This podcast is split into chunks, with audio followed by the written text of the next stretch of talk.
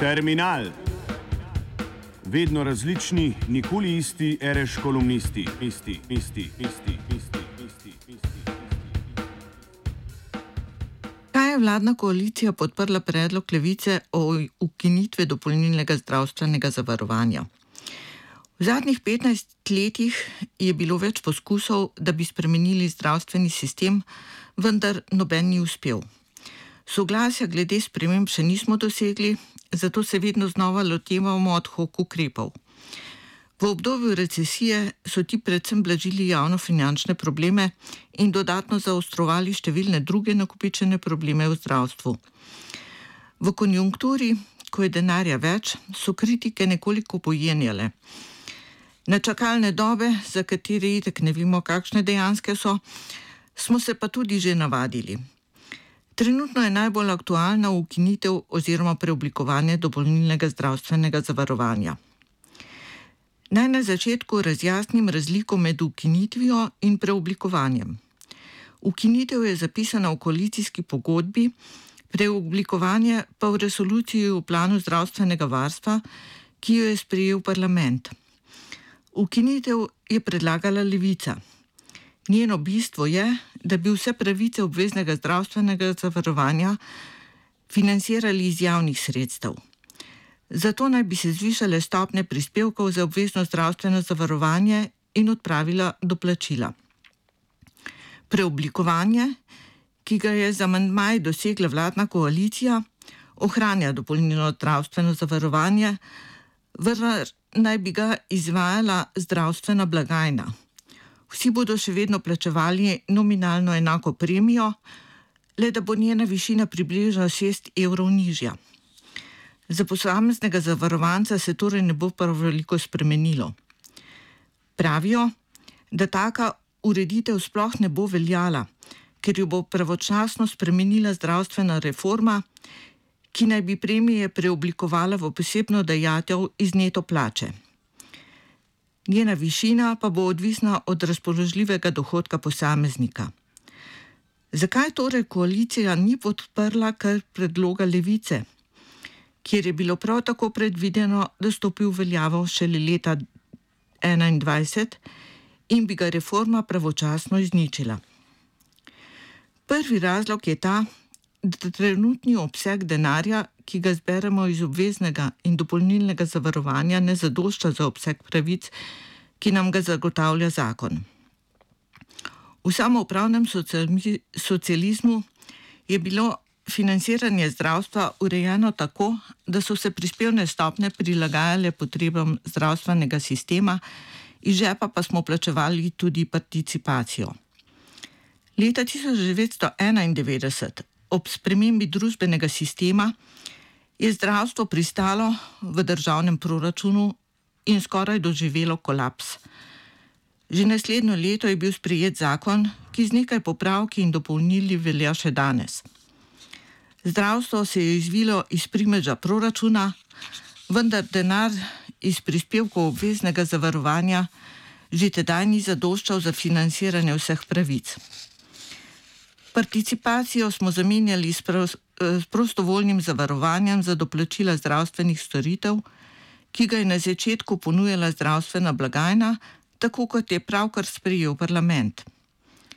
Kasneje je bila ustanovljena vzajemna zavarovalnica, ki je v celoti prevzela dopolnilno zavarovanje.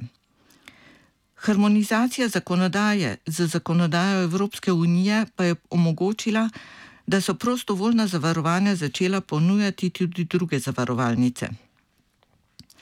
Zaradi nepreglednega in nerealnega modela plačevanja zdravstvenih storitev strani zdravstvene blagajne, v resnici ne vemo natančno, koliko denarja v sistemu manjka, da bi odpravili vsaj dva glavna problema: problem čakalnih dob in problem izgub v bolnišnicah.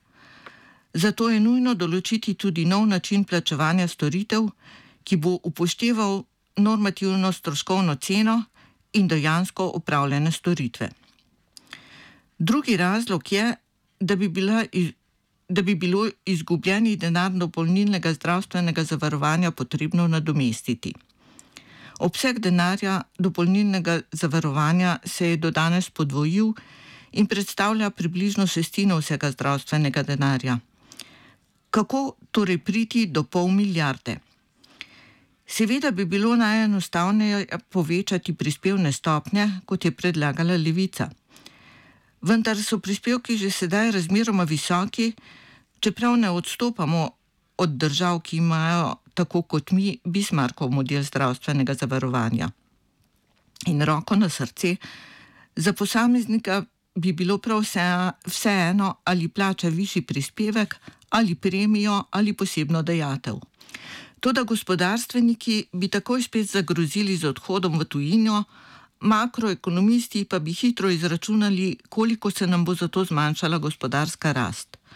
Tu je glavni razlog, da je koalicija za vsak slučaj spremenila predlog levice, saj ga od vseh obljubah o ukinitvi dopolnilnega zavarovanja ni mogla enostavno zavrniti. Posebna dejatev, katera višine bi bila odvisna od razpoložljivih dohodkov posameznika in naj bi v prihodnosti nadomestila premijo, pomeni precej zapleten sistem. Se bi nekdo moral ugotavljati razpoložljive dohodke posameznika. Kot alternativo vidim sofinanciranje zdravstva iz državnega proračuna, pa ne po vzoru pokojnin, koliko zmanjka doda proračun. Iz proračuna bi lahko naprimer plačevali prispevke za vzdrževane družinske člane, kar bi nadomestilo izpad dopolnilnega zavarovanja. Vprašanje je, ali je novo proračunsko breme sploh mogoče. Je, če se tako odločimo. Nekaj z ukinitvijo in zmanjšanjem sedanjih proračunskih odhodkov, nekaj z zmanjšanjem davčnih olajšav, nekaj z dodatnim obdavčanjem kapitala in nekaj z davkom na premoženje, ki ga čakamo že tako dolgo kot zdravstveno reformo. Prostora za zniževanje davčnih bremen seveda ni.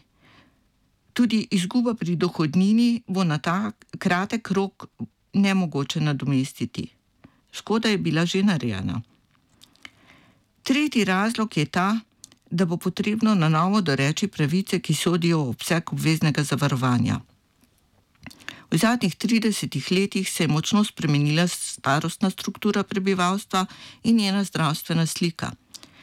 Spremenila se je medicinska doktrina, nagle napreduje medicinska tehnologija, na, vedno, na voljo so vedno nova in dražja zdravila. Spisek pravic, ki je danes v zakonu, več ali manj izhaja iz obdobja pred letom 1991. Da bi bil prehod iz socialističnega samoupravnega sistema v kapitalističnega čim manj boleč, so bile vse zdravstvene storitve, ki so jih izvajali zdravstveni domovi in bolnišnice, enostavno prevedene v pravico obveznega zavarovanja, misleč, da bo kasneje narejen nov premislek o tem, kaj v resnici tja sodi. Ali bolje rečeno, kaj smo sposobni z javnim denarjem zagotoviti. Najbrž je čas, da se ta premislek naredi znova in to hkrati z ukinitvijo dopolnilnega zavarovanja. Četrti razlog vidim v tem, da deluje dopolnilno zavarovanje kot izvrstni proticiklični avtomatizem in kot dober blažilec naraščajočih zdravstvenih stroškov. Premije so neodvisne od dohodkov prebivalstva in kadar je treba znižati javne izdatke, skupščina zdravstvene blagajne poviša odstotke do plačil k ceni storitev. Posledica je vedno višja mesečna premija, ki povzroča vedno večje stiske prebivalstva s podpovprečnimi dohodki. O ukinitvi dopolnilnega zavarovanja govorimo zato že 15 let, vendar konkretnega zakonskega predloga ni predlagala še nobena vlada doslej. Razlog je pol milijarde. Toda, če smo preživeli odpravo davka na plačno listvo, ki je prav tako po obsegu predstavljala pol milijarde, bomo znali nadomestiti tudi izgubo denarja dopolnilnega zavarovanja. Za proticiklično delovanje pa imamo fiskalno pravilo, katerega bistvo je prav v tem, da se država v času recesije lahko zadolži za financiranje nujnih izdatkov, kar bi plačevala v času konjunkture. Morda pa je glavni razlog, da je vladna koalicija predlog levice popravila in podprla, ker sama ne verjame, da bo zdravstvena reforma v naslednjem letu sprejeta. Zato je bolje vrabec v roki kot golob na strehi. Terminal pripravila Helena Kamnar.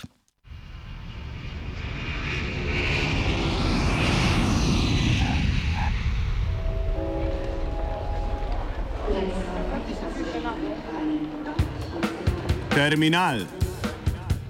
Vedno različni, nikoli isti, reš kolumnisti, isti, isti, isti, isti.